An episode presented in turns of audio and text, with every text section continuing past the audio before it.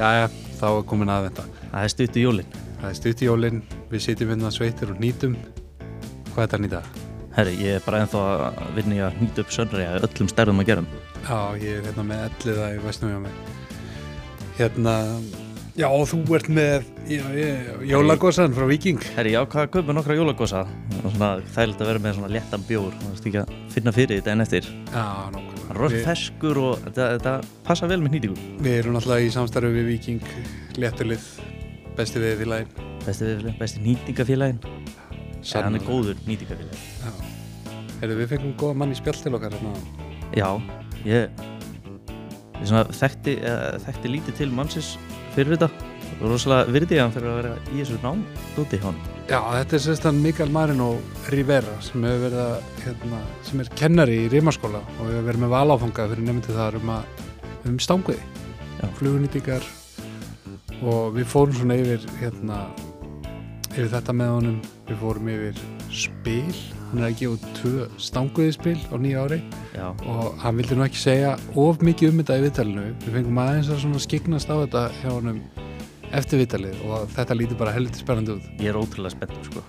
án þess að segja eitthvað of mikið sko. Ég veit ég verð alltaf í senast að þetta en ég er mjög spenntur að spila sko. Já, maðurinn er svona mikill nörd sko, maður er það, hann er sögukennar í grunninn og safna veiðbókum við fórum aðeins yfir hérna hvað eru bestu veiðbækur á Íslandi og svona Já, þannig að ef þið eru að leita ykkur til að lesa um jólin þá förum við yfir nokkar góðar. Já, förum við nokkra góðar. En við erum með hérna fleiri samstagsæðala í þessu Birgir. það eru strákarnir í veiðflögum á Langholtsvegi sem að standa með okkur í þessu og tala nú ekki um þessum tíma þegar við erum að nýta flugurnar. Nei, akkurat, ert þú með eitthvað svona veðdót á óskalistanum? fyrir jólin? Já. Vana, vanalega ekki. Ég, ég, vil, ég hef skoðanir á veist, ef þú gefur mér flugubóks þá er ég örgulega, þú veist, ég vil bara veist, ég er með skoðan á þessu öllu. Já, líka þú hnýtir ón í bóksið sko. já, já. en já, aldrei svo vant. Ég er með hérna fistpond, stangataskan. Já, svona þess að ílöngu. Já, hún er efst á mínu lista. Ég, hérna, ég hef lendið í að glata dóti, maður er með þetta einhvern veginn allt í bílnum, út um allt í skottinu og eitthvað, Já, eitthvað svona dry bags og eitthvað Já. hér og þar kynntist þessu þegar við fórum hérna félagin til Argentínu síðasta vitur Já, þá vorum við bara með tvær svona töskur með öll hjólin, alla tauma alla sökkenda þú veist, alla hausana á allt. Flugurnar, bara allt. Þetta var bara einn taska máludaukt Já, ég er búin að vera með svona núna held ég, þrjú sísón Það er svo þægilegt að vita, ok, ég þarf völu, skó, háf, þessa tösku. Mm. Nákvæmlega, Ég redda mér með öllu þessu. Ég er ekki að vera að gleyma hjólinu sem er við hliðin á eitthvað annari tösku nei, og maður þarf ekki að vera að burðast með alla þessa hólka og eitthvað sem eru klingjandi í, í skottinu sko. Ekki bara það, það er hundleðilegt sko. En endilega, þetta er, þetta er allan að jólgir mín í árvonandi og endilega hérna, kikið nýr í veðiflugur og skoða þetta. Það er vantilega margir búin að vesla hérna núna alltaf dögum en nóg til að þá svo er það hérna góða fólki í Skeljungi fyrir hér.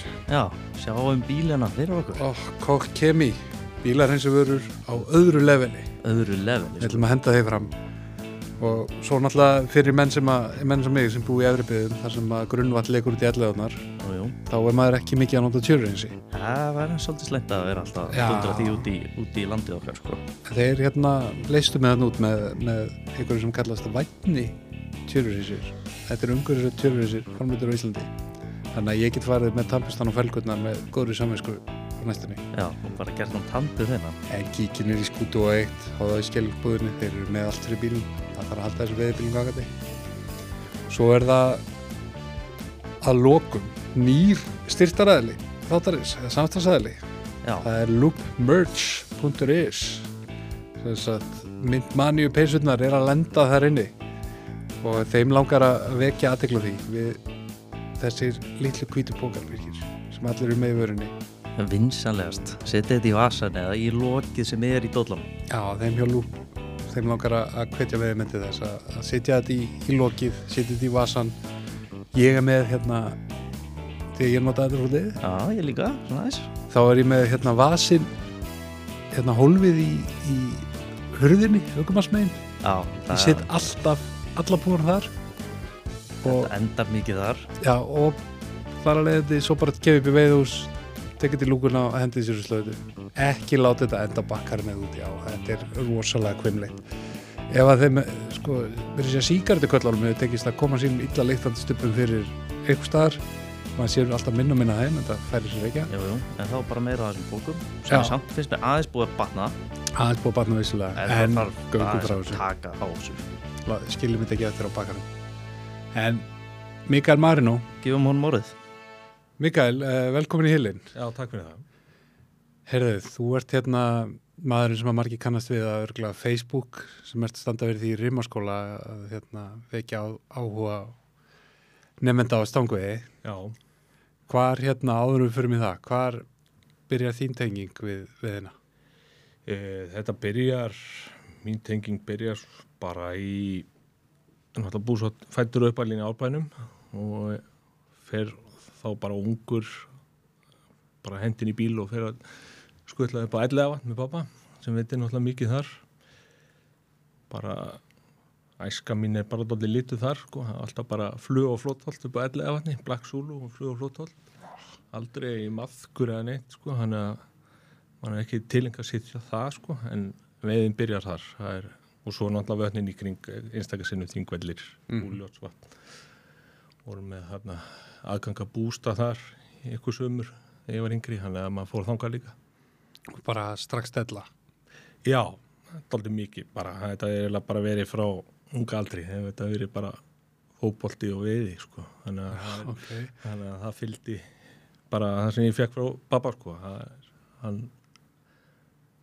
já, það var upphafið á þessu öllu saman og þú nefndið mig hérna að það þetta er svona marka svona það hvað, hvað nám og, og starf þú valdið er í, í, í lífinu.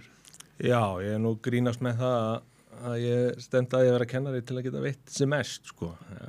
Svo náttúrulega- verst að við þetta sumafrí er alltaf verða minna og minna sko í kennslunni. Já, en það er eitt sem að verkföllin náði ekki að sigrast á hérna, er verja sumafrí kennara. Nei, það er málið sko. En jújú, jú, en maður nýtir allan tíman vel Já, Í- frábært. frá, já, frá júni til águst Hva, hvað er það svona helst þau ert að eldast við í sumafrínu? Já, í veðinni, það Mhm. er bara, og veist, maður byrjar náttúrulega bara í þessari klassísku vorvegi, maður nýtir páskafrið, dimbilvegan er náttúrulega mjög sterk sem er mjög gott að geta skroppið aðeins svona upp í borgarferð og það er í einhvern sjóbyrting og eitthvað, í grimsa og skugga og svona, og svo bara, svo bara þegar vö- vötnin er að opna og svona, þannig að þá fer maður í, fer maður tínastanga á þingvelli, fer duluðu þar, sko. þú ert alveg jöfnum öndum í þú veist sjóbyrtingnum, vatnaviðinni, lagsinum og Já, ég, eins og ég sé, ég er bara í þessu öllu sko, ég, ekki að ég sé ykkur sérfræðingur, ég er nú svona þekktu fyrir að fara óhefbundna leiðir í veiði sko, prófa eitthvað nýtt og gera eitthvað flippa sko. þetta er aðkvaða leitið, þetta er alltaf eitthvað sem að við viljum komast í sko Já, að ég veist, ég, eins og ég sé, ég get ekki hugsa, ég held að myndi ekki ganga upp, ég myndi fá mig gæt sko, Nei, að hann myndi segja startu hér og kasta það þarna, en ég kannski fer yfir og kasta svona aftur og baka eitthvað, þannig að ég prófa yfirleitt bara svona það sem enginn prófar. Eða svona, já, og hef svona tilenga með það að ég var, var, var veitum, eða veiðum mikið saman í og tengdafæði minn og hann er svona á þessari blasju líka sko. Mm þannig að og hann var einmitt, við vorum stættir hérna í fáskur og eitthvað tíma þá sagði, kom hann að einhverju veiðvörður eitthvað, hann sagði mér sko að þetta hef ég aldrei séð. Og þá var einhvern veginn var aðstæður þannig að þetta voru eitthvað hálfkjánalegt sko fyrir þá sem komi utan komandi sko. Það var þetta svona óhefbundi og það er bara, víst já, og bara í vali og flugum og eitthvað svona bara ég hef mitt lent í þessu eina vakt í sumar að fylgja manni við veiðar sem leið sumaður og, og hann er mitt sagði bara, þú veist, hérna takk fyrir að taka mig bara á staðinn. Ég veiða mikið en ég veiði svolítið furðulega og ég veit að ég mun ekki þetta er kannski ekki besta leiðin til að veiða mikið já, og þetta er líklega ekki besta flugan hérna, það var eitthvað krabla nummer fjögur á yngrækju sko. En hérna, mér langar bara að veiða svona. Já. Bara, go nuts, ég fæ mér bara sæti og horfa á þig. Það er meina að það er eins í því, það er bara að vera nú bara rugglegaður að prófa hvað sem engin annar er að prófa sko, og bara, Já, og bara vaða upp á klífur át um allt og veist, það er ég hef verið að veiða mönnum í Brynju til dæmis að það er bara, menn hafa hort á mann bara klífur að hann í borðahósinu með eitthvað og svo var komið með eitthvað þvíleikar aðferð þarna einmitt í því sko, komin eitthvað upp á eitthvað klett og, og það var svona það sem rennur úr hann var komið eitthvað ringi og þar var maður bara stóð maður upp í eitthvað svo tók fiskur og ljóp maður kannski hérna, upp þetta og bara út með alla línu og hljóp eitthvað reysa ring og eitthvað þannig að það er eitthvað sem engum hefði dottið í hug sko. það er alltaf, þú veist það er mitt svona skinsamæri menn en maður sjálfur hann svona býta og hvað þú situr í fisk, hvað er þetta að landa þessu það reddast bara það, þá. Það kemur bara ljós bara gefa slaka og laupa á stað það er svona, er yfirleitt það sem það er gert allan að það sko. Það, það er ofta orðið mikið lægintýri þar.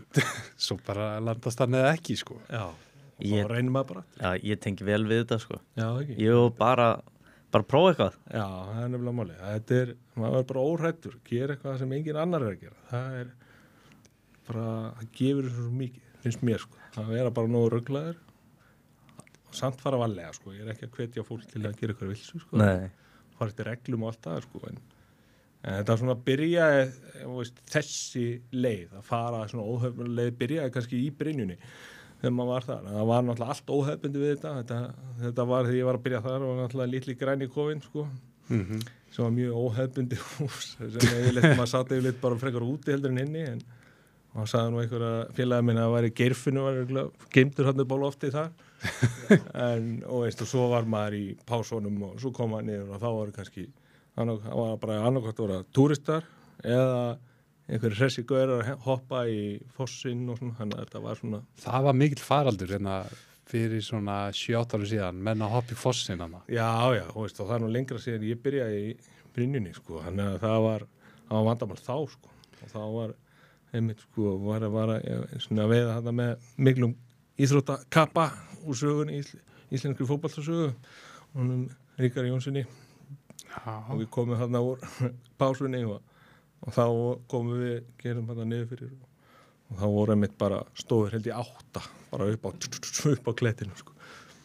Og það var ekki og hann stóð hann gamli maðurinn bara í, í lottoúlpunni og vaðstífilónu bara fór og kallaði eitthvað á þeir heyriðu náttúrulega ekki neitt þannig að það er það er lengra síðan heldur þannig að það er búið að vera. Það var hérna um tíma öflögur veðurverður, góðkunningi þáttarins Alli Heiberg hann tók sér til og, og, og girti þetta allt með gattavýr og Já, alls já. aðfarir. Hann lendi miklum riskingum hann við, við þessa gletta stökkvara.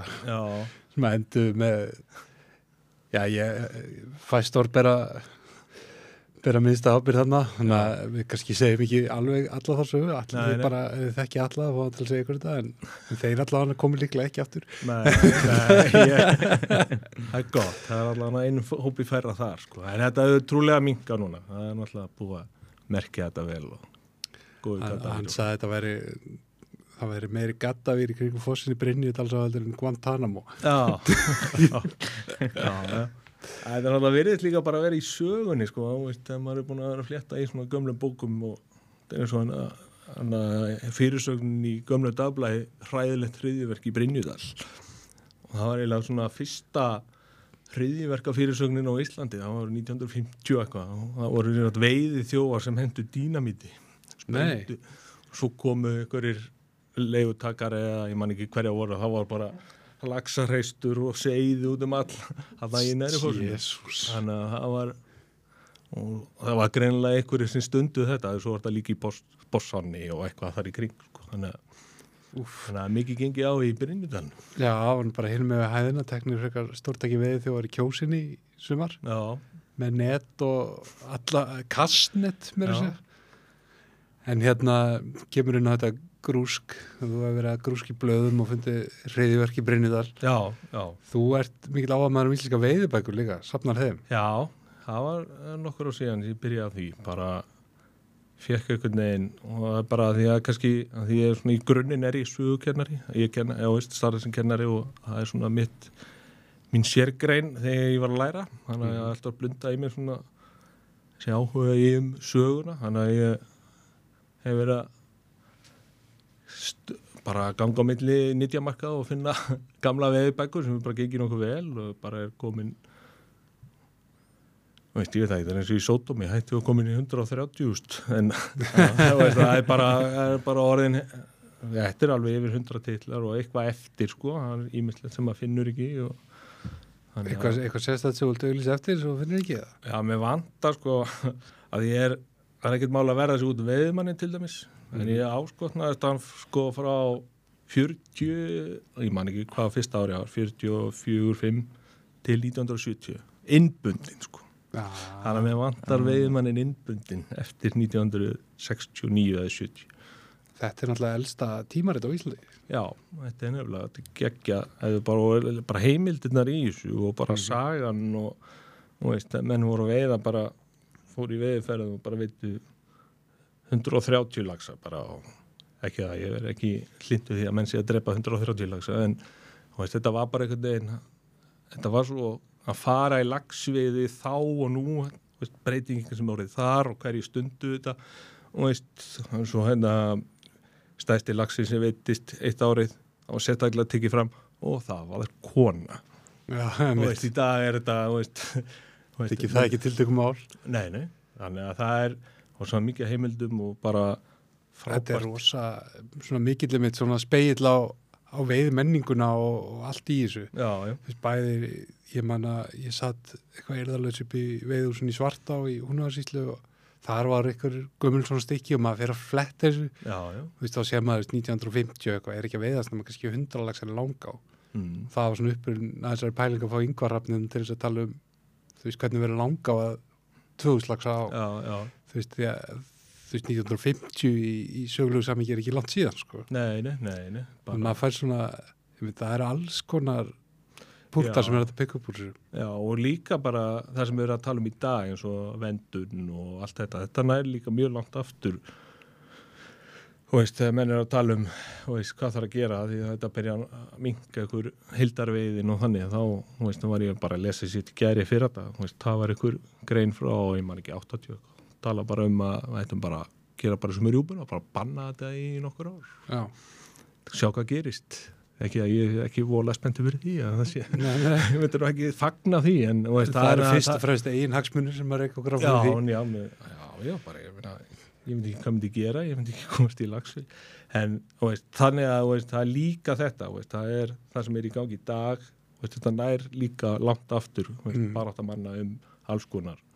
Þannig að það er, ég las góða greina hans hérna, Raps Haffjörð frá 93 til dæmis í, með svona í Mýrakvísli vor þegar maður var að láta tíman líða þar Það sem hann er myndið að tala um þú veist, stefnust ákveði félagsins, hvort hún ætti að vera á veiðilega markaði eða meira verið grásótt samtök og svona, þetta fann já. til að hugsa sko.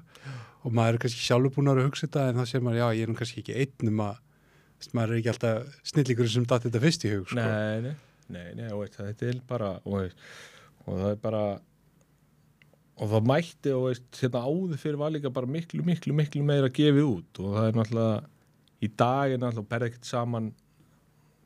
það sem var gefið út þá veist, 80, 70, eða eitthvað 90 og með við núna, náttúrulega aðgengi að öllu er, er ekkert mála að vera bara, veist allt sem kemur fram í kannski einni viðbók 1980 eitthvað getur bara verið vikuskamtur á Facebook eða einhverju Instagram síðu eða eitthvað skilur Ég bara svo er þessi podcast og Já, YouTube og bara alheimurinn allur já, já, undir. og sem er bara veist, maður getur ef maður gæti bara sagt um vinnuna og getur maður að grúski í veiðið út allan daginn sko.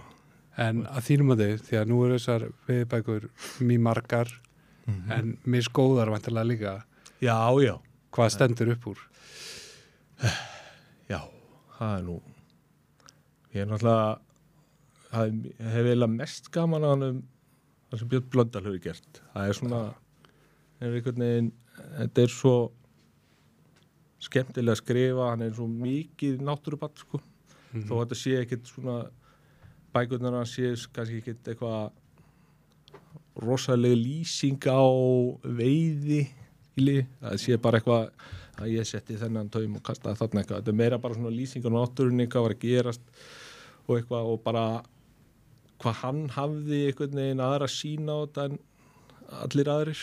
Og veist, þetta er bara frábæra heimildir, þetta er bara skemmtilega að skrifa náttúrulýsingarnar og þetta, þetta er svona þess hans bækur, ekki allar reyndar en það er svona það sem hefur staðið upp úr. Svo er þetta oft mikið að sama bara. Já, veist, veist, sama formúlan einhvern veginn og þú veist, þú opna bók Grímsá, já, það er hérna smá saga, svo kemur veðistæðalýsing og svo ykkur hetjusúr og svo tekur hann næstu flotta myndir flotta myndir Já. og veist, yfirleitt sama stær, sama umbrot og allt skilur þannig að það er svona þetta eldra finnst mér flottara heldur, heldur þetta nýja margt af þessu nýja eins og þú veist að tala um þessar umbrott þessar ljósmyndabækur um einhver smá sögu Já. þetta er jafnvel þú veist, bæði kemur út á íslensku og, og ensku og náttúrulega flotta eiga og, og. Já, já, flotta þetta- myndir hjá Einari Fall og, já, algjörlega sko, en- sko, algjörlega. en þú veist, þetta er svolítið svona sölubæklingur skilur Já, fyrir, fyrir þetta svona kynning á vörunni frekar en einhver svona já, já. en svo var hérna, já, ekki grip fram við ekkert mál. það var ein hérna hún hérna Linda Dóma Lagsveðana mér finnst hún reyndar alveg beriland hver skrifa það? Ekki. já, nú fórstu með það sko, ég manni ekki hver Nei, en hún er ég man ekki hvort hún sé 91 eða 2 hún er alveg frábær. Hún er mjög skemmtileg, hún er svona og það er alls konar svona og ég nota mikið í að því veist, ég er svona, svona holstjóri í Grímsá til dæmis. Mm -hmm. Það er að maður yfirleitt með svona handbók, gefur ekki gefa allt út handbók fyrir hvert túr. Þá er maður svona að grípa í gamla sagnir og gömul ráð og alls konar, þannig að það er skemmtilegt að nýta það í. Væntalega elst misvel Já, já, já, já, já, veist, það er alls konar, veist, bara skemmtilegt líka bara, meira bara í gríni, sko, en það er, það er svona, eins og ég sé, það er einhverja veiðaferðir og kastaðferðir og svona flugur og ekki hins einn og svo, veist, þegar maður verið að rekast á þessum bókum, veist, hatrið á Rauðri Francis þegar hún var að byrja þú veist, það var bara heil, heilu blagreinan að skrifa um það þegar það kom, sko, og þannig að það er svo mikið í þessu, menn fór að sleppa fiskun, til dæmis, þú veist, hún var alltaf verið eitthvað, heitir því. menn eitthvað þú veist, sem betur fyrir það lenska í dag, en þegar þetta var að byrja hérna upp úr, hvað maður að segja, 90 eða eitthvað, það var svona, var einn og einn svona, veist, einhver einn kjáni sem fór að sleppa, og það voru allir brjálæðir, eitthvað, mm þannig að, veist, þannig Já. að það er mjög skemmtilegt, þannig að ég mæli með að allir fari nú að fara að safna viðbókum, það er nót til að viðbókum allstað. Já, sko, ég mitt, ég hef ekki lesið allan Björn Blöndal og þessa meistara en, en þú veist, það sem ég þó lesið er að þú veist, maður tekur eftir þú veist, bara á þessu tíma, þú veist aflinn var svolítið atriði Mm þú veist, þá var það já. fjöldafiska og jafnvel kíló af slægðum fiski og já, svona, já, já, en alltaf mikla náttúrlýsingar og það var ekki verið kannski að segja hvernig hann sett í fiskin svo mikið. Það er svolítið tilfeyringunni menn fóru bara í veiði það var bara fullt af laxi já. og svo var bara, rosa mikil áherslu á að lýsa í smáatriðum sko baráttunum við laxin Já, og stærðinni, það er líka alltaf rosa fisk, stór fiskur eitthvað. dramatík, sko. Já, hann já. stökk og aug okkar mættust Já. og allt svona eitthvað Já, já, Dró fyrir sóli og hann svo stór já, akkurat Já, Svona já, bara- hann tók í data hopnum og eitthvað er mikil dramatík þannig, í löndurinni sko. Já, þetta er nefnilega Já, það er það er einmitt mikið þannig í einmitt hjá einnig blöndal bókunum Þú veist, núna er þetta allt aðferðin. Hvernig? Já, hvernig? Já, held Og svona, í dag er þetta fá hann til að taka. Já, já þetta er aldrei þannig. Já, og veist, hvernig áttur að landa honum? Og hvernig áttur að koma aflánum fyrir, það var í gamla dag svona, þetta er svo mikið. Og núna er þetta bara hvernig, hvernig fjáránum fáum mann til að taka þess að bara einn, við erum að fá einn. Já, þetta er alltaf þannig sko. Það breytingin er alltaf orðið þannig en veist, maður hefði alveg vilja að vera hérna prófa veist, ef ykkur hann úti á tímavél veist, fara bara 1940 hérna, að fara hérna og bara fara í 200 laxa túr já, og það er hérna að voru með eina stöðingun þrýr 200 laxa þú veist, þetta er svo svakalegt maður einhvern veginn gerir sér ekki grein fyrir þessu sko. meðal þingin 17 pund í Já, svein 17 pund. Við tókum upp svona þátt sem kom hérna út í síðustu viku þegar það var messufall hjá okkur sem að við rættum með hann hrafni eða ímynduðum okkur sko ef við ættum tímavill hvert færum við að veiða? Já, og hérna það var einmitt veist þessir hérna Guðmundur í miðdal í sóginu já, á skarðið þú veist 1950 eða eitthvað. Þú veist veiðin í Lagsá í Aðaldal á stóra árunum þar já. þú veist þetta hefur verið alveg ævintýralegt sko. Já, já, veist, og það er æfintilega veiði litla líkur á allir þessi veiðmenn hafi verið mjög færir veiðmenn engar vöðlur nei, nei, þú veist, lélega græjur ekkert endla mikil þekking sko. Nei, ekkert aðgengi, ekki vegir eða góð bílar eða samt þessi rosalega veiði sko. Já, það er bara verið náttúrulega, það hefur ekkert verið, það var bara veist, það er náttúrulega bara allt sem stiði það það var náttúrulega bara miklu meiri af fiski. Veist, sem var bara og kannski ástæða fyrir að það er minna fiski núna því það voru menn voru að stúta þessu öllin þetta áður fyrir sko, eða veist ásand öðrum þáttum veist, sem við vitum ekki um. En hvað hérna, ef þú þurftir að velja eina bók, frá, ef við búin súmitanir á Björn, ef menn ætla að lesa eina bók, bestu veiðbók Íslands. Bestu veiðbók Íslands. Frá veiðbókarsamnaranum. Það er erfið spurning. Já, setti mig í boppa núna bara, nú er ég að reyna að reyfi upp öll nöfni sko. Hvað er því ekki róðskinna og eitthvað? Já, það er þetta, þetta, þetta Stefán Jónsson. Já, Stefán Jónsson, já. Já, já það, er Það eru svona þeir tveir. Já, hann er mjög skemmtileg líka með fluguhöfðinu og... Vá, ég er alveg dottin út. Þú fórst alveg með þetta Ég eiginlega Það kemur kannski eftir. Já, ah, það kemur En það þarf að, þú veist, það er mikið til og, og margt Já. sem maður getur lært að þessu og líka bara svona sitja umræðan í samingi, þú veist, það er, það er þú veist, þegar við erum að takast á um hva, hvernig eigi að veiða og annað, þú veist, hvað við erum í rauninni stutt frá og þetta var bara útgerð, þú veist, já, að landa lagsi var bara að fá tvær nautalundur í fristin sem að þú gast selt, já, bara Og menn bara kiftu sér leifi og þurftu bara að veiða upp í það og svo umfram það var þá bara búbót sko. tekjur, Það bara veist, það voru atunum við. Já, veist, og maður er að heyra einhverju sem fóru veist, hérna, það var kannski bara kynnslóðin sem er undan undan okkur þá fóru þeir ungir með frænda sínum og pappa og eitthvað og það var bara það var ekkert kjaftaðið því var bara komið og það er að veiða mikið og veiða bara og alveg saman hvernig maður farið að því sko. Þannig að meðalans dýnamít í fossi. Já, já, það hefur verið eitthvað örþrjávar á því og Já, ég meina, jólinn kom ekki nema þessi rektor grafin, sko, Já, já, og það þarf að eiga það fram á vor.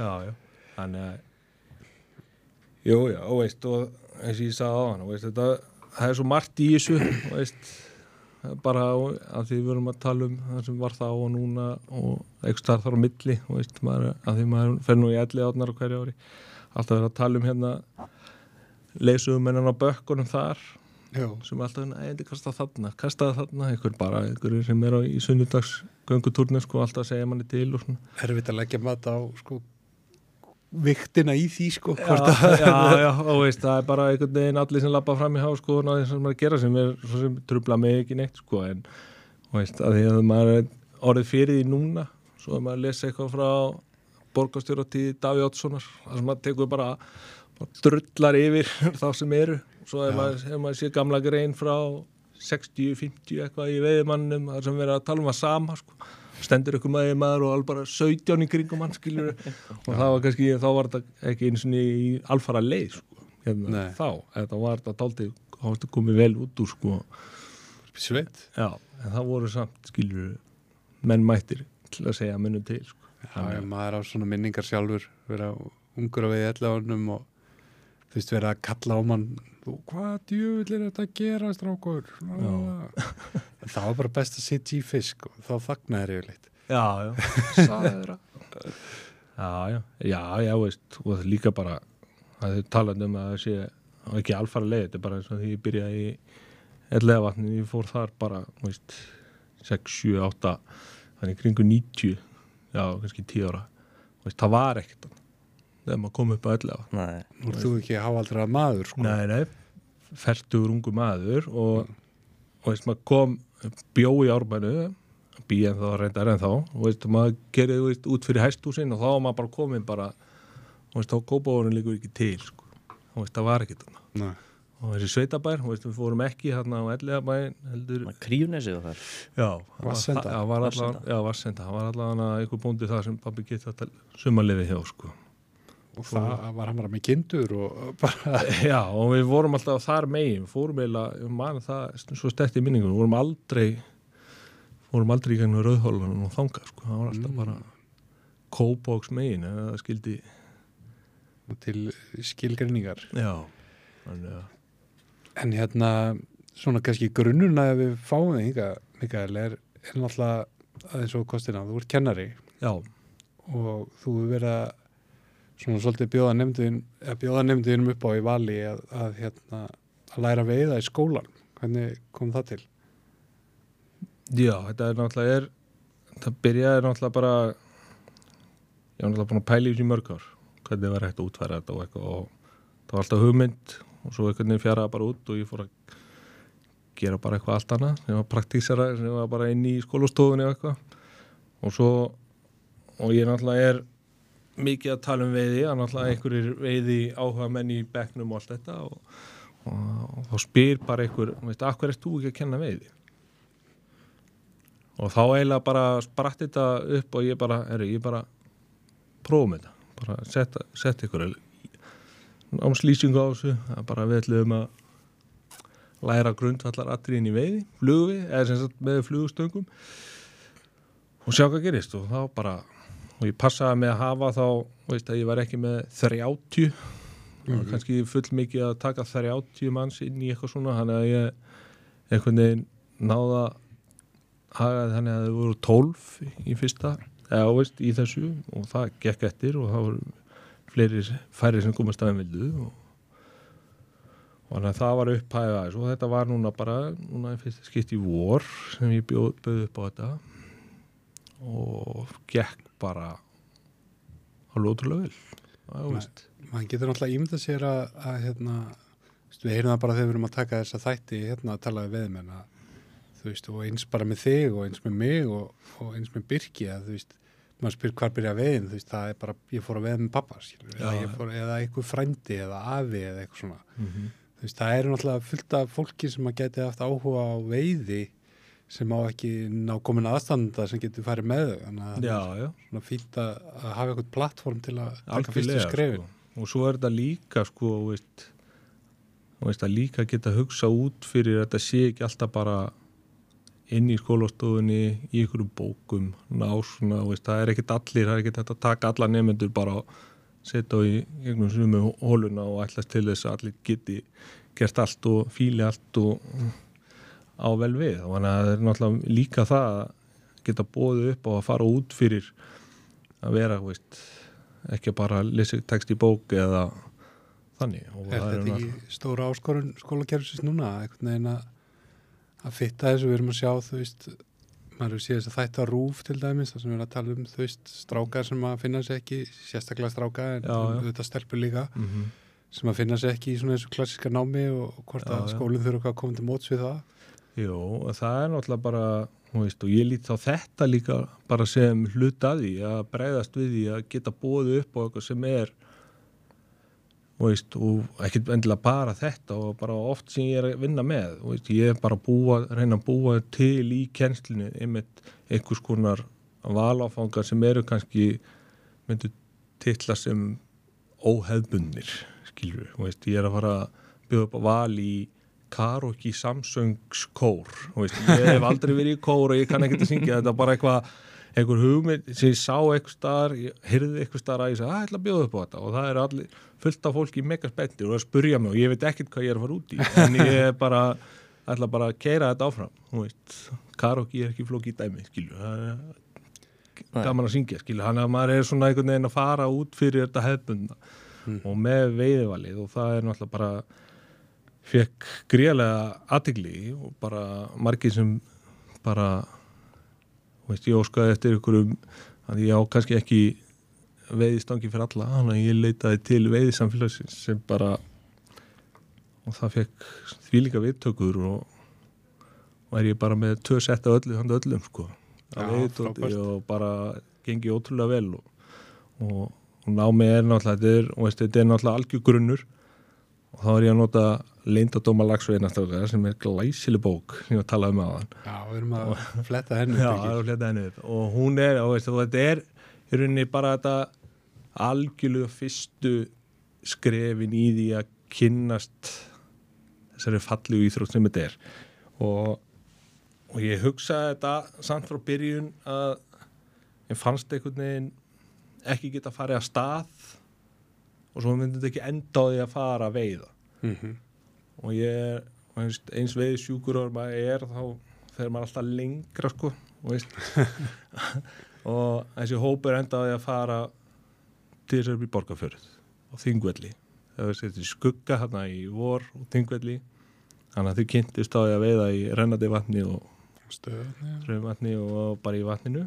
Og eins og við fórum á þingvelli í mæ 23 stegi hitt og sól blankalokka, ekkert að frétta en veist, bara þetta að þau upplifið þetta og, veist, Mhm. og svo kemur sumafrí og hausti þá bara byrja sami hópur aftur við erum tvísarætt í korpu, við erum svo í elliðarnar og ég held að Já, þetta frábært. sé daldi þú veist ekki að ég ætla ekki að fullera það en ég fannst, svona ég segi sjálfur frá þá fannst mér þetta daldi veglegt svona Já, í fyrstu og eitthvað sem er alveg til í að og veist, sem við ætlum að halda áfram með sko.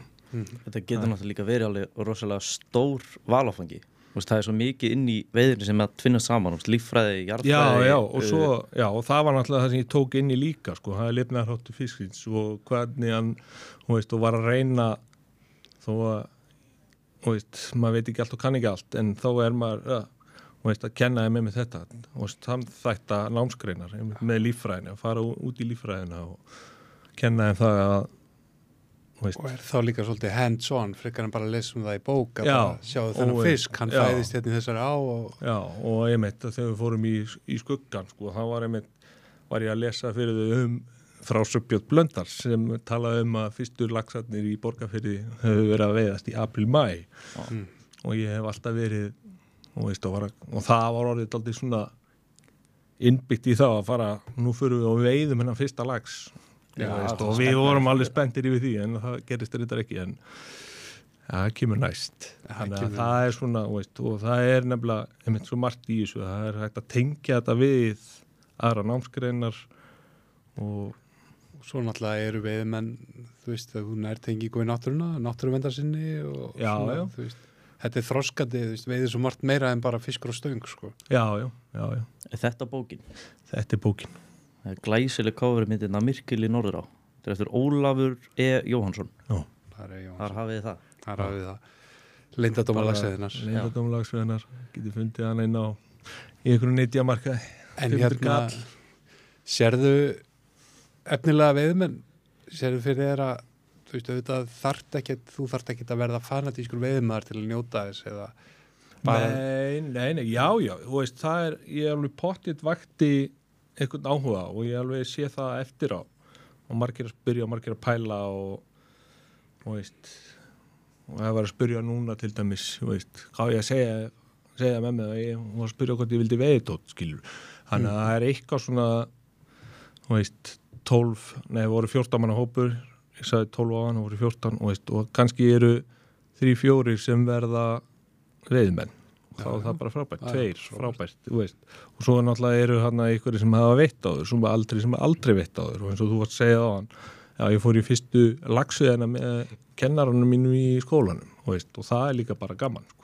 Veist, þegar kemur hérna einhver nefandi í vittal til ykkar eftir 20 ár þá nefnir hann þess að ferði í elliðannar þegar hann stóð og lagsin stökk tvísar á stöngin á hans og, veist, og það er líka, og veist, þessi móment eru, þetta er svo geggjað að, veist, þetta, að þetta sé eitthvað minningar sem munu, þau munu minn, minnast eða þau hugsa til síðast ársins í grunnskóla veist, og það er bara frábært og þó að sé og, veist, og það er ekkert eitthvað markmið mitt að gera alla einhverjum veiði Nei, nei, nei. sjúklingum að allir bara eigi að vera eins og ég sko, það er ekki þannig og, veist, og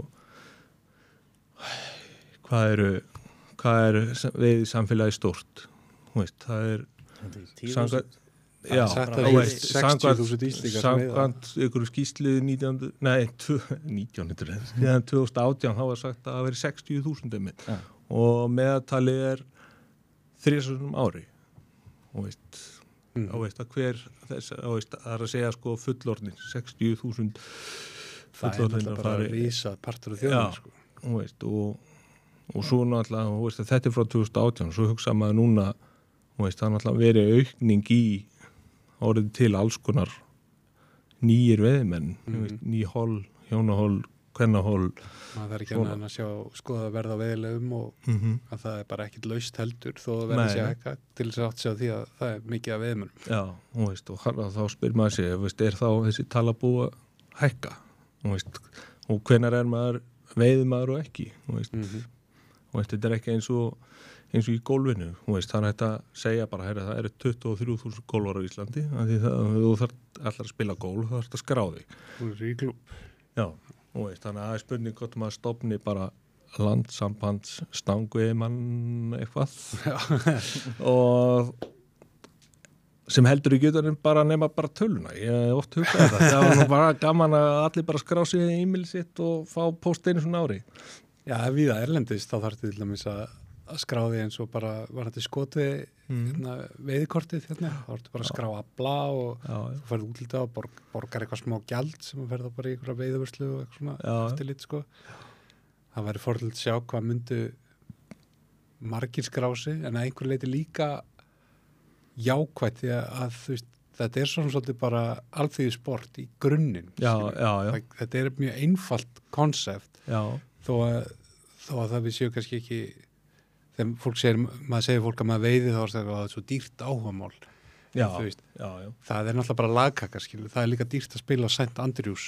Já, já, þú náttúrulega bara ræði því sjálfur, hvað veist, þú, eins og ég segi, þú veist, þú getur farið á primetime í ykkur á og þú getur líka ekki farið á primetime í ykkur á, þú veist, og það er mismunandi verðið eftir hvað þú ert, veist, og það er bara í öllu, ég flýg til útlanda og ég get valið hvort ég fari í sagaglas eða ekki, mm. þú veist, og það er líka búið að vera náttúrulega, veist, bara í kringum þetta hrun og aðdrata hrunsins og að lagsveinu svona og svona og, veist, og það er ennþá verið að reyta í mig sem kenna, rosalega kennar alveg góð, því ég er alltaf að veiða Mm. en ég er ekkert að þú gerir það kannski bara í staðin fyrir að fara til Tenerife já, skilur, þetta já, veist, og bara og vera að veiða á þannig tíma ég er ekkert að, veist, og stunda þegar þau veiðsvæði sem ég bara, ég snýði bara með stakkættu vexti, skilji, ég er ekkert að sækjast í eitthvað sem sem ég hef efna á, skilji. Þannig að- maður hefur stundum nú maður verið heppin og fengið að veiða á mörgum frábærum stöðum sko. En ég var um að hugsa það bara í gær ég var að keira hérna bæinn og var að hugsa sko hvað ég væri til í að geta farið aftur sko upplega gleðina sko þegar maður var bara að fá fyrstu litlu bleikinu þingalland sko mm Þú veist, er það er ekki veldisvöxtur á haminginu sko eftir í dýra þessu veð, veðilegði er sko. Nei, nei, það er nefnilega máli sko. og, og heldur ekki að þú veiði meira ef þú veiðir í dýrar, á dýrari stað eða ert með dýrari stöng eða nei, alls ekki það er nefnilega líka sko. það er það sem ég er að tala um einmitt við, þú veist, eins og nefnendur sem ég verið að kenna veist, og þau einhvern veginn og sumir, þú veist, já, er þetta eins og í síðustu veðferðinni, þú veist já, hefur þú gert þetta, hefur þú gert þetta? Og veist, og spyrja mann út í það, bara, nei, nei, nei, aldrei, það er ekki svona, þú veist þannig að, veist, þetta er svo oft svona sko, að fólk heldur bara að lagsviði sé bara dýr og það er allir að láta þessu fíbli í lagsviði af því að það kom hérna tvær myndir og veist þannig að þú veist, og nefndir þú veist, og, já, það eru mjög upptega, veist, þannig að það er svo auðvelt að setja bara eitthvað svona í eitthvað form og það sé bara þjóðfélagi eða veist, bara hópur manna sé bara ákvæða þetta sé svona mm -hmm. þú veist, og það er líka það sem ég hef verið að leiðrætta bara í þessu að eins og með nefnendur að, að og bara líka bara utan á komandi sem er að spurja bara hvernig óskupunum og veist, er skólin að borga undir eitthvað svona, skilur hafa hérna, nú kemur ekki óvart ef að og bara hvetjum vel að sala sem er að hlusta til þess að hérna, bara hlusta vel að þú veist að bara það að hérna að fá aðstóð þanað eins og þú fegst veiði hotnið skaffaðir veit ég fullt af flugningarefni og bara almenni veiðmenn komu inn með dót og svona. Þú veist, Já, að veiðlega já. salar, hefur eitthvað heyrt í þeim? Var þetta að koma til móts við þetta? Já, já, Jón Þóri Regnarsa náttúrulega hjálpa okkur líka og, Mhm. og það var alveg vilji hjá, þú veist, og svo náttúrulega er þetta stuttu tími, mikið prógram, þú veist, það sem að þetta átti náttúrulega ekki bara snúast um að fara að veiða, sko, maður er svona meira einhvern veginn að, að þó að maður hefði vilja enda þetta dótið þar, sko, sem það gerði, sko, sem við enduðum alltaf á því að fara að veiða, sem var frábært, sko, en, en jú, jú, þá veist, það var ég sé, Jón Þór í Ragnarsson náttúrulega, við fórum í skugga í honum hann í vorfiðinni og, og svo var bara kett leiði í gegnum stanga sko. Já, með yngri bara sem ég bara sá um sjálf sko þannig að. Það er svo sem, svo sem gott og gilt líka. já, já, En, og ekki teldur þannig að maður sé eitthvað að fara að betla og sníkja eða ætlast til að eitthvað gerist en þú veist, þetta er bara það er allan að gaman að geta búið upp á þannig að við endum í því að þau upplifum þetta, geta staðið og veist, bara það, og upplifum það og veist, við fórum í elliðarnar bara að þeim voru sjáfiska, það er bara gefur, gefur þessu svo mikið sko. finnst þér hérna, því að nú er maður, þú ert með þetta hérna í reymaskóla þess að þú ert að kenna. Mm -hmm. og það gefur auðvitað að það er ekki öll bönni reykja ekki í reymaskóla og hérna, eða á landinu. Nei. En maður er til dæmis heyrt að svona það hafa komið, þú veist, Annelius Hagvan var, vissi en minnir allan að ég hafa heyrt að hann hafi verið með svona flugundíka áfanga í einhverjum skólum og, mm og það var dottið inn svona, en þetta er alltaf bundi við, þú veist, þá kennaran, skilur, einstaklingin sem hefur áhuga. -hmm. sæir ykkur að leið þar sem að vera þetta að koma með þú veist, veiðina bæði fyrir bara já, þetta eru hins önnu lífskeiða búa á Íslandi að geta notið náttúrunar, hvort sem það er gegnum veið eða fjallgöngur eða annað. Já, og einmitt eh, tenging við, við hérna, náttúruvísti og náttúruvend og, já. og allt það. Sæir ykkur að leið þar sem að vera þetta að koma þessi í fastar skorður í grunnskólum eða, eða er það eitthvað sem ætti að sigla eða? Já, það er náttúrulega gaman að, að þetta yrði, ég veist, þetta er eins og þú segir, þetta er svo hægt að hafa þetta svo margþætt, þetta, þetta er ekki bara sko valóng ekki að fara að veiða, þetta er samþætta þetta og, og það er náttúrulega, er einhvern veginn hver einasti skóli hefur aðgang að einhverju svona í nær umhverjum sínu, þú veist, það eru vötn út um all, all land og það eru ár og, og svo náttúrulega bara veiðifélög og fleiri sem vilja fara í ykkur samstörf þannig að það er ekkert mál að búa til að því þá veist, það er ekkert eitthvað veist, að vera að passa þetta sko, það er ekkert mál að fara út fyrir skólan það þarf allt nám þarf ekkert að gerast innan vekkja skólans. Og ef menn bara hafa áhuga á því að fara út fyrir hennar kassa veist, og þá er bara um að gera bara eins og bara stangu í félagar ekki ekkur veist, og ég fengið fullt af kommentum og spurningum og alls konar frá kennurum til dæmis mér Reykjavík sem eru pæla hvernig fórst að þessu, hvernig gerur þetta hvernig óskofunum eins og þetta sé eitthvað ógerlegt. Og, það- og ég bóðist til eins og ég sagði á hann, veist, ég er með fullt af stöngum sem ég bara bóðist til eða aðri skólar í Reykjavík til dæmis er bara bóðið um að fá að lána eða þess þarf sko, veist, og, þannig að og bara að veri frábært ef þetta væri bara allstaðar þú veist að því þetta er einhvern veginn þetta er svo mark, markþætt nám sem þeir eru að læra krakkarnir í, þessu þetta er ekki bara eins og ég sagði þetta er svo mikið samþækting í mörgum fögum Og þetta er líka menning að, að mínu viti, sko, þú veist, þetta er stór partur af þjóðsálinni að veiða. já, já, ég meina og þetta er líka bara veist, að vera úti Mm. þú veist, að fara bara út og vera úti veist, að, kynnslóður alast upp sem að eru meira baku tölvuna og svona, Já, ég ætla já. ekki að hljóma svo ykkur gammal kall tala um tölvuveiki já, og eitthvað nei, svona, en, en þú veist, það er einfallega staðrind kannski að já, já, það þarf að hafa meira fyrir því að koma krökkum út í náttúruna. Já, og það er eins og, eins og því var að, við vorum að læra að kasta og þetta, að prófa að kasta og veist, það hefði ekkert mál að vera að fara bara inn í íþróttahús og kasta það, Mm. en auðvitað bara dróið með mér út, þannig að, veist, að koma þessi bara út fyrir skólana og bara, ef það eru eitthvað sem bara vilja samstarf með skólum, bara drífa sig og bara kennarar sem eru hafa einhvern áhuga á veiði eða bara, þetta er minnstamáli heim að útfæra þetta, held ég. Já, við bara kveitjum stanguði fyrir til að heyri þér hvernig er best að útfæra þetta Já, og, og, og kennara, tala nú ekki um kennara sem að hafa áhuga á veiði að. En þú er nú væntalega, maður verður nú að hrósaði fyrir þetta framtak Mikael, þetta er Já, væntalega að kosta svona uh, á þess að það er kannski beitt vitið að ykkur á svona ólaunaði yfirnu og hérna Já, svona já. að fara aðeins út fyrir það sem að, að starfslýsingin hérna Já, væntist já, að er. það er nú alltaf, þannig, sko, þú veist, en ef maður, maður gerir þetta ekki án ástrið já, ég er að segja það, þú veist, ef maður er með ástriðuna og svona brjálaslegan áhuga, þá bara lætum maður vaða. Og þá kallar annað kemur í ljós. En þetta gekk upp og þetta gekk vel og það verður aftur núna í vor nýrhópur og, og svo í haust áframhald. Þannig að og svo bara, eins og ég sé, hveti alla aðra kennara sem vilja hafa samband, ég geti hjálpað þeim, ég geti bara sett þetta tilbúið prógram. Já, nákvæmlega, þú færði að bara það er bara um að. Já, Ég hugsa að það var líka þægilegt að þið geti komist inn í eins og geldingatjötni eða það. Og flota og fluga sko. Já, já, já, veist, þetta er bara veist, það er bara það er allir skóla með aðgengi að ykkur. Þú veist, það er bara farið þá bara nýra bryggju að veiða. Það er, það er hægt að veiða allstar þó að sé kannski ekki spennandi að veiða á flug kannski í ykkur höfninni en Eitt, eitt að lókum hérna með, með skólapælinguna Mhm. uh, Stelpur Voru, Varst að sjá þær í þetta? nei, ekki að þessu sinni en ég er að vinna mjög markvist í því núna Já, það Það með langaði nefnilega að gera núna, ég var reynd að bara tala um það í bara fyrir helgi við, semst áfangastjóran sem er, eða dildastjóran sem séum valið að, að ég ætla að hef verið að promóta þetta mikið og verið gaman að væri þá bara stelpur í næsta holli sko.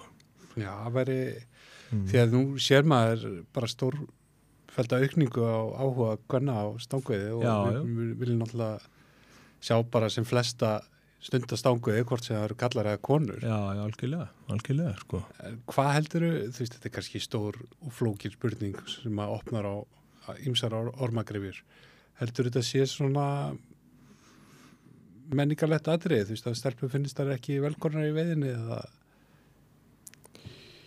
Í, ég bara, ég get ekki sett ykkur punkt eða einhver á það sko hvaða er nákvæmlega. Kannski er þetta veist, ég veit ekki. Ég, ég veit ekki hvaða er sem veldur sko. Og veist, kannski er það eitthvað feimnari við það eða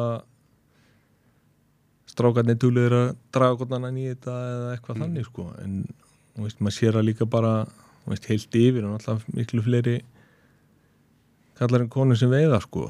Og hvað það er og akkur engin velur veist, það, vald, voru eitthvað sem völdu þetta en hættu svo við þegar þau sáu sko mismunin, eða veist, Já, sáu kynjaskiptingu, fjöldan sko. Hann að, veist, en núna er maður svona, er ég að reyna þetta einmitt að vera reyna að fá það til að hópa sér saman til að koma og prófa sko. Já, við erum að að- efla það líka. Já, og hefur verið að svona íta í að því ég veit að inn í fóreldra samfélagin er ykkur veiðimenn sko, sem hefur kannski þá dætur í skólan hann hefur verið svona verið að reyna að íta við þeim sko, hvetja. Þannig að það verður vonandi, ég er að eins og ég sé já, að þetta fer svona í gang núna eftir jólin að þá verður maður ekstra mikið að selja þetta. Já, Það er bara frábært og bara aftur vel gert já, takk fyrir það En þetta er ekki eina svona, hvað maður að segja, þú ert, þú ert frumkvöld á, á fleiri sviðum í veginni. Það er hérna, þú ert í bíkjarð spil fyrir veðumenn. já, það er eitt af þessum hugmyndin sem fættust út frá þessum veiðibóka áhuga mínum það var einhvern veginn, maður var alltaf að lesa sér til og svo var maður stundum að búa til quiz fyrir ykkur að veiði og eitthvað svona Mhm. spurningar og alls konar Við eitthvað byrkir það ekki það vel að vera með gott pub quiz í, í hollinu eða eitthvað svona. Já. og þá einhvern veginn fór ég að velta þessu fyrir mig og því þannig sem ég var að tala um aðan maður svona farið einhverja skrýna leiðir í kjenslunni og þá var ég með einu svona hérna, eða ekkert einu svona bara fyrir einhverju síðan var ég með hérna borspilsáfanga sem var sérst þóttur að búa til þetta eigið spil. Og það var eitthvað sem ég bara fekk hugmynd og ég setti á blað og ég sendi það út og það var bara pff, fullt af krökkur sem verða að fara í það. Þannig að ég hef einhvern veginn vantaði þá einhverju síni, ég var að sína eitthvað. Ég get ekki bara, Ég er sérfræðingur í borðspilum, hef aldrei gert já ég hef aldrei gert borðspil þannig að ég fór að lesa mig til og eitthvað, hvað get ég gert? Og ég er náttúrulega, herru ég veiði maður ég er bara að gera veiði, þannig að það hefur svona verið að mjalla núna og kemur sem sagt út á nýja ári. Já, hvenar, já, er svona er allavega með hækkandi sól, það er hægt að segja það. Þannig að það er Já, það verður spennandi að fylgjast með þessu. Já, Það er hérna, þú, svona, þú vilt ekki gefa of mikið upp sko, en, en Já, það er svona, þú veist, reyfar aðeins, þú reyfar aðeins inn í aldrei við okkur áðan og þetta er spennandi. Já, og það er eins og ég segja, veist, þetta er svona til að auka fróðleik manna á bara, þetta er þetta er mjög, þetta er, já, hvað maður að segja, þetta er svona, svona spurningarspil, sérsagt, um, snýra, snýra stanguði og þetta er alls konar, markþætt bara, veist, alls konar spurningar sem maður vissi eða veit bara alls ekki. Þannig að það er eftir að dýfka kunnáttu manna sem tengið stangu á Íslandi og veist hverja voru það voru deilmenn sem deildu hérna um veiðirétt í á 1648, það er ekkert allir sem vita það. Á þess að fara eitthvað sérstaklega út í hvað það var en veist, það er allan að ég er búin að það er allan að veiðbækurna komið svo vel í þetta og svo bara alls konar grúsk tímaritt.is búin að vera mjög góð vinn minn í þessu og, og já, ég ef ég myndi veist, umfangi er þannig að ég gæti haldið quiz í næstu 200 árin svona upp á spurningafjöldan það er allan ok. að nóg að taka og þetta er búið að vera og þetta er náttúrulega mikið grúsku vinna og svo er náttúrulega starrend að tjekka og svona, þannig að maður er svona átt að, átt að vera að koma út en ég ákvað aðeins að býða með það En Er eitthvað svona gameplay í þessu líka eða er þetta bara reynd spurningaspil? Nei, þetta er, þetta er ekki svona það er náttúrulega einhverju flokkar og veist, það eru mismunandi flokkar í þessu og, og svona og veist, það er hægt að spila þetta á ýmsa vegu. Og, og þetta átti náttúrulega, þetta var í fyrsta átti að vera bara eitt og svo er þetta rauninni tvö spil núna. Þannig að aldrei veit að verið tvöföld jól fyrir veiðmenn á næsta ári þannig að þá er þetta einmitt bara svona kunnáttuspil og svo er þetta aldrei svona það sem alla kannski eða svona flesta veiðmenn dreymur um að það er að setjast í stól leigutakans og það er svona strategy spil með það Ah, og við í sveið á landinu. Og já og sí, sí, það verður 2023 verður skemmtilegt. Er komið nafn á þetta? það er það er svona að vera að rífast um það. Ok. ég er um sjálf mig ég er nú bara einn í þessu sko. Þannig að ég er svona er, þannig að ég er á þess að fara sko veist, maður hefði alveg getað að fara í eitthvað basic sko en ég er svona er að reyna Hræsvelgur. Nei, ég já, já veist, en þetta er svona maður er alveg farið í sko veiði lingo orðabókina og svo er maður sikt út og svona, þannig að þetta er svona ég er ekki búin að setja punktinn hvað þetta á að heita en allt annað er klárt, þannig að þetta er í rauninni bara að íta á play og þá fyrir allt í gang og, þannig að þetta verður allan að það er hægt að láta sér laka til næsta árs Já, við erum spettir. Já, Þetta kallar á, spenntir, sko. kallar á sumbústaðferð og, og hérna. já og svo bara bara onni í hverju veiði tösku bara og Já, hverju veiði húsi og hverju veiði bíl Já, já, þrjú stykki mann Þeir eru talað um, um veiðbíl nú til að þú fórst í það. Þeir hjá Skeljungi, þeir standa með okkur byrki í því að halda veiðbílunum gangandi og svona. Og, Mhm. og þeir eru alltaf með fasta spurningu einn í þettinum. Uppáhaldsfluga. Hvað stendur því? Uppbórsfluga, já. Já, nú eina uppbórsflugu sem, heit, sem ég bara ákvaða að skýra bara öðru nafni, sko. Og ég veit ekki eins og hvað hún heitir í alvörni. Þannig að, Við kannski þurfum að fá myndi að þér til að Já. vista. Komdu- komdu með lýsingun á henni nei, hún er, þetta er í rauninni, það er svona mennir að þræta um að hvort þetta sé hreinlega bara, hvort það sé ekki bara gulur sönrei. Já, ok. Ah, ok Eða sögum segja, hvað var ég búið að kalla? Monkey. Monkey evening dress og alls Evening konar. dress, monkey fly. Já, en ég kalla hana atomstöðina sko og hún er, og ég hef einmitt veitt svo rosalega vel á hana ég vil að það að finna mynda henni og sína ykkur hana Er þetta rauður haus?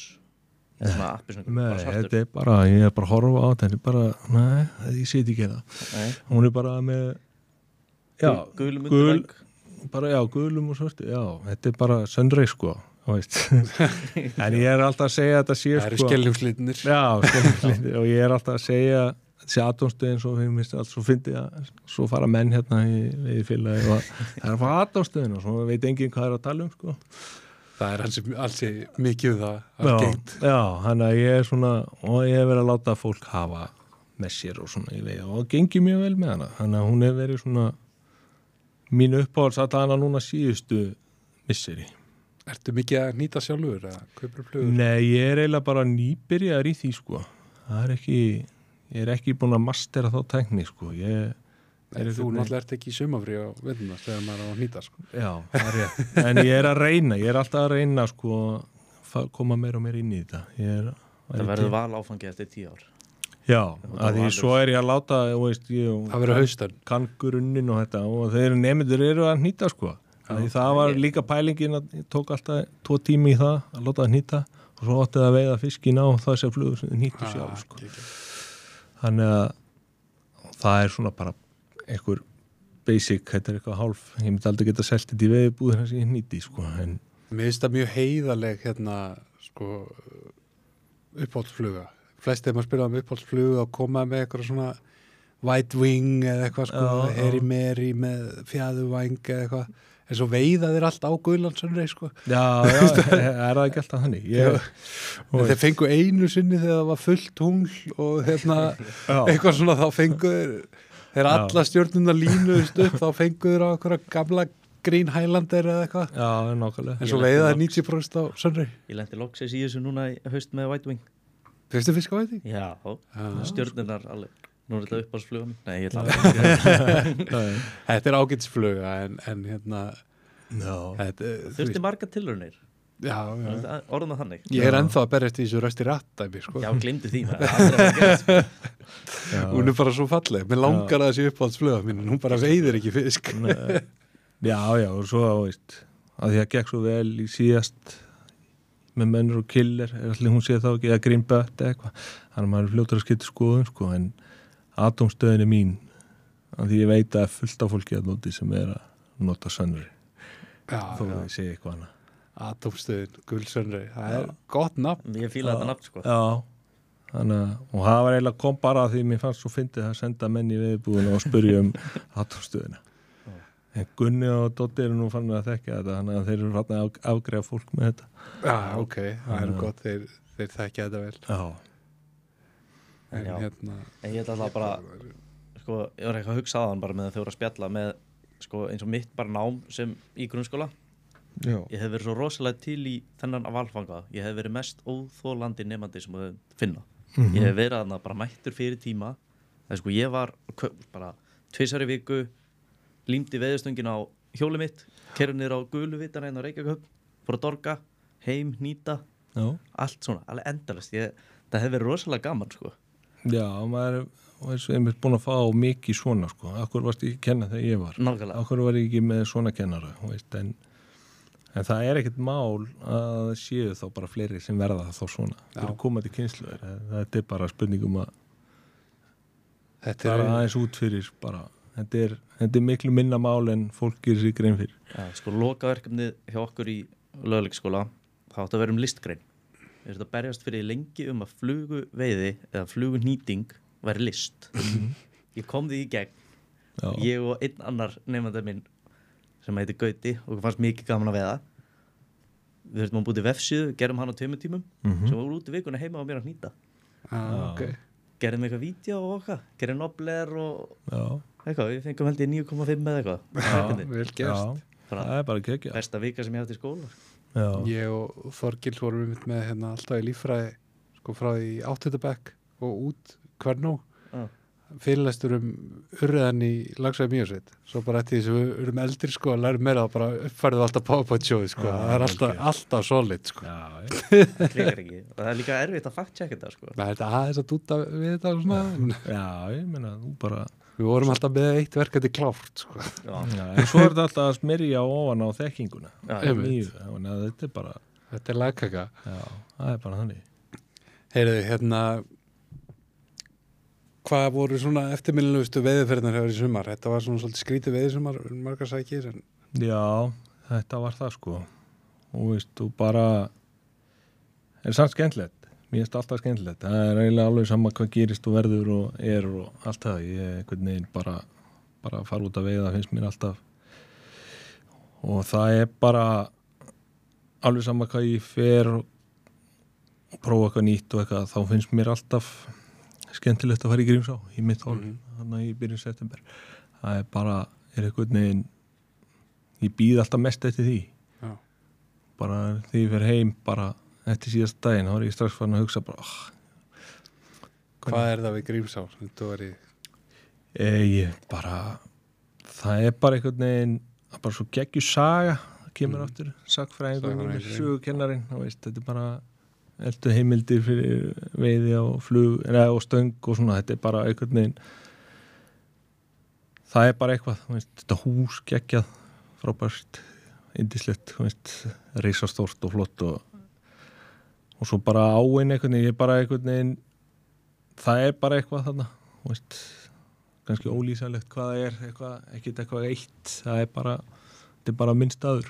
Já, það er- mín stund þegar ég mæti í veist, kannski er það þessi áhugum minn að byrja blöndar sem náttúrulega skrifa mikið um þetta. Og veist, sagan í, og veist, englendingarnir og veist, já, þetta er svo mikið einhvern veginn, svo er hún svo fjölbreytt eitthvað og hefur alltaf staði fyrir sínu þegar ég mæti, sko. Það er mitt svona hljóman eins og sett svo þetta að lýsa sem að maður er ofta fólk er ofta að eldast við einhverja tölur sko, fyrir Grímsá það var lélegt, þá ætlar að fara í langa því að það var sæmilegt þar. Mm -hmm. en, en ef þú bara stikkar við Grímsá í 15 ár þá, þú veist, tekur góða árin lélu árin, milli góða árin þá nærið alltaf þínum skilur, þó að það sé lélegt þá færið þú alltaf eitt skilur og Já, já, og veist, og ég er einhvern veginn bara og veist, hef einhvern veginn tamið með það að vera ekkert að fara í veiði og veiða 15 mm. mm, veist, ég er einhvern veginn bara þetta er einhvern veginn orðið þannig bara komast bara í burtu, þetta er meira þannig bara veist, að vera þarna og veist, vera mættur bara í þetta og veist, ég er búin að fara þarna í einhver ár maður er alltaf að læra meira og meira inn á hana og veist, maður er alltaf orðin betur og betri í þessari á skilur kannski hefur það líka eitthvað það með er starrið það er náttúrulega bara já, og veist, og einhvern veginn og það er bara, hún náði mig bara frá fyrsta degi, bara frá fyrsta skipt sem ég fór í hana, það var einhvern veginn bara og hef bara verið með þetta fasta hól hverju ári. Og svo hefur bara restin verið bara eitthvað svona prófa hitt og þetta. Veist, ætlar að prófa eitthvað nýtt, skemmtilegt á, Já, alveg pott, þetta enda öruglega eitthvað staðar á okkur nýju sko. Það er bara spurning hvað það verður. Nú er einhvern veginn, er þetta að fara að byrja, nú er þetta einhvern veginn alltaf að fara í gang, veist, og nú fer maður að huga að, huga að hérna næsta einhvern veginn, þetta er akkurat tíminn sko. Maður, það var ekki tilvílun að fyrsta opna hús stangveifélagsins var fyrsta fösta í Nei. í áratífi því að það er einhvern veginn maður er menna að jafna sett tímbilið jafnvel vombriði hjá sumum sko. já, já, já, og svo þú veist kemur aðvendan og þá kikkar einn herri shit ég þarf að fara að bóka veðleifi og nýta og- flugur og veiða og, Já, og maður er líka að taka eftir, nú eru bara bara veiðilegin að fara að koma inn og svona, að það eru þetta er svona að fara í gang. Svona alltaf bara fyrir sólina hækkalótti, hérna, bara stutt í það fyrir árveikur eða eitthvað.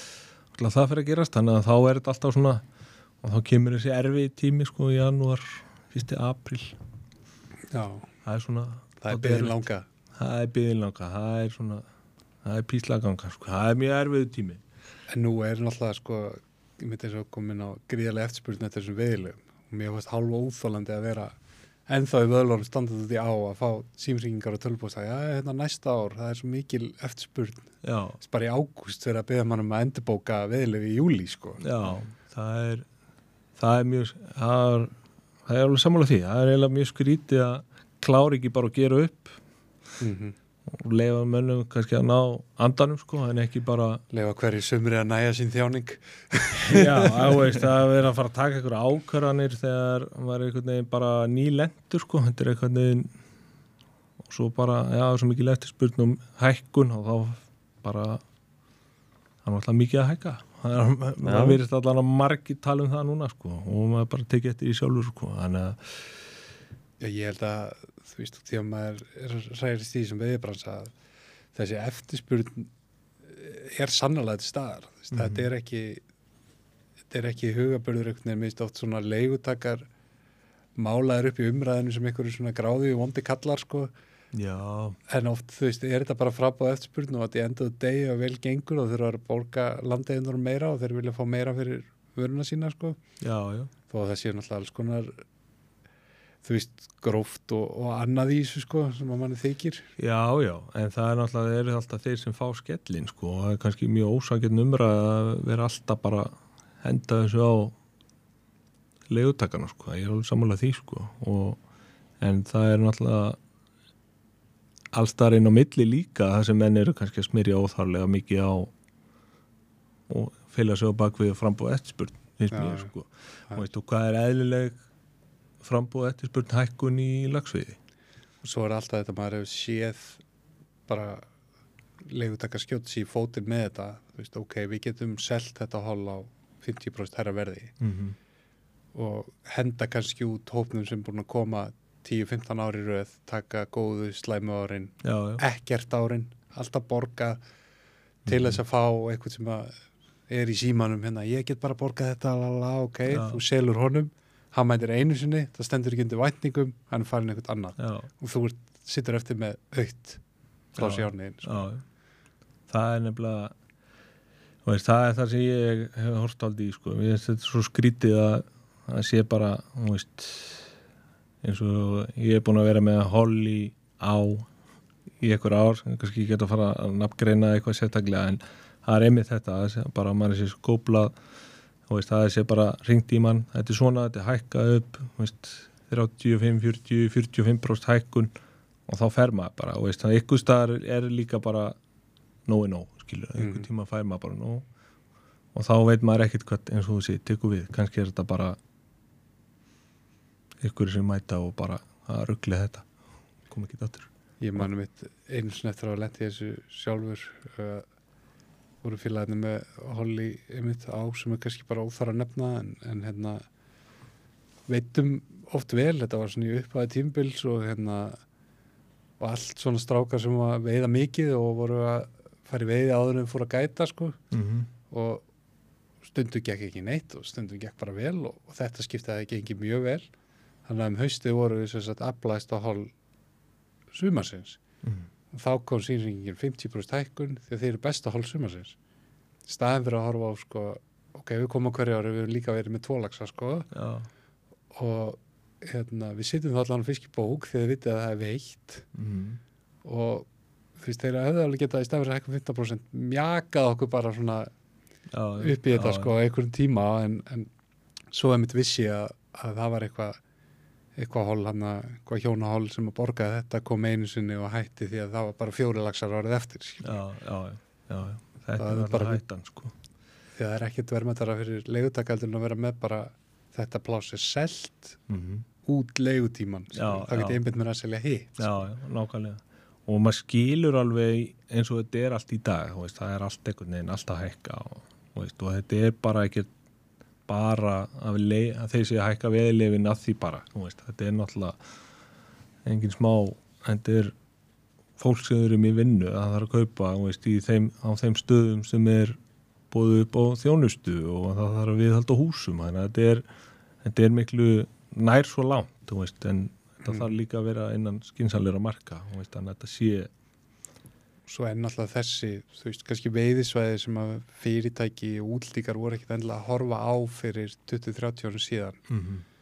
þú veist, nú er ekkit Rúsland nei, nei, Uh, veiðin í heiminum er alltaf að draga saman. Þetta er takmarku öðlind og þessar lagsveiðar okkar eru bara það það er bara skipt með þær á heimsmarkaði. Já, og, og þá einhvern veginn þrengir alltaf að og, já, og allt það sko. Já, já við erum alltaf erum í miklu forreitindum hér veist, það er marg víða bara í, næsta nákvæmni það sem bara sést alltaf fiskur. Ég veist ekki að fara ennþá bara í einhverja skurði sem að veita þess að er ennútið þjórsá á vorin og veiða þar og já, svo náttúrulega veiðkortið og já, já, guðváin geggju, guðvón, já, nákvæmlega. Marílag sem minni það sko. Já, Marílas, sko. og korpu hérna að- Ah, ítar á hann hjá mér. Já, þú veist, Já. það er, það er þú veist, auðvitað er þetta ömulegt en það er sem betur fer hægt að fara ennþá upp á heiðar á Íslandi og veiða fyrir lítinn pening, já, já, já, miklum gæðum. Já, já. Og það er líka alveg hægt að veða lags fyrir lítinn penning sko. Já, já. það þarf ekki að vera ógislega dýrt. Að eru, sem betur fyrr þetta eru jákvæð og góð loka orð, Mikael. en það ekki? Bara að hérna, enda þetta já- á jákvæðinu það er bara sjálfgeft, er gott. Þegar við vorum aðeins að væla yfir þessu veð- veðilega verði. já, Það er ennþá þetta veða lags á Íslandi við línum beinu. það er hægt og svo bara svo spurning hvað gerist á næsta ári. Með, til dæmi, ef maður býður spenntur eftir þessu hnúðlags ári Já. mikla maður er einhvern veginn hefur nú gerst svo frægur að veiða hnúðlags þannig að það verður gaman að sjá hvernig hann mætir Þetta verður stóru núlagsárið. Ég var ennþá eftir að ná mínum fyrsta núlags. Já, það er stutt, já, ég og Sigur, þú verum hnúlega sem gætar á 8-12 árum. Nei, á slettum árum. Já, það er, Já. Þetta verður mikil, þetta verður mikil veisla. Lags er lags. Það er þannig. það er ekki útlítið ekki allt þetta er Nei, og nei. þetta sé stórskrítin vera bæði í útliti og veiða svona þetta er mjög skríti allt saman Já, og náttúrulega bara, þú veist, endur speklar veruleikar með línandi lofslag og annað. já, já, en menn fara ekki varlega og svona þannig að þetta er, Það er ákveð leksi í þessu líka. já, já Við erum að gjalda fyrir ákvarðanir Stalin. Það er fárulega hljómar, það er það þannig. já, já, það er alveg rétt Herðu, þakka ég kellaði fyrir Mikael og hérna bara takk fyrir að standi í þessu stúsið þarna fyrir rímaskóla. Þetta hljómar mjög spennandi og, já, takk fyrir það og takk vonandi að einhverju fleiri sem er að hlusta að taka í boltan og, og fara að kenna ungmennum í, í skólum að, veiða.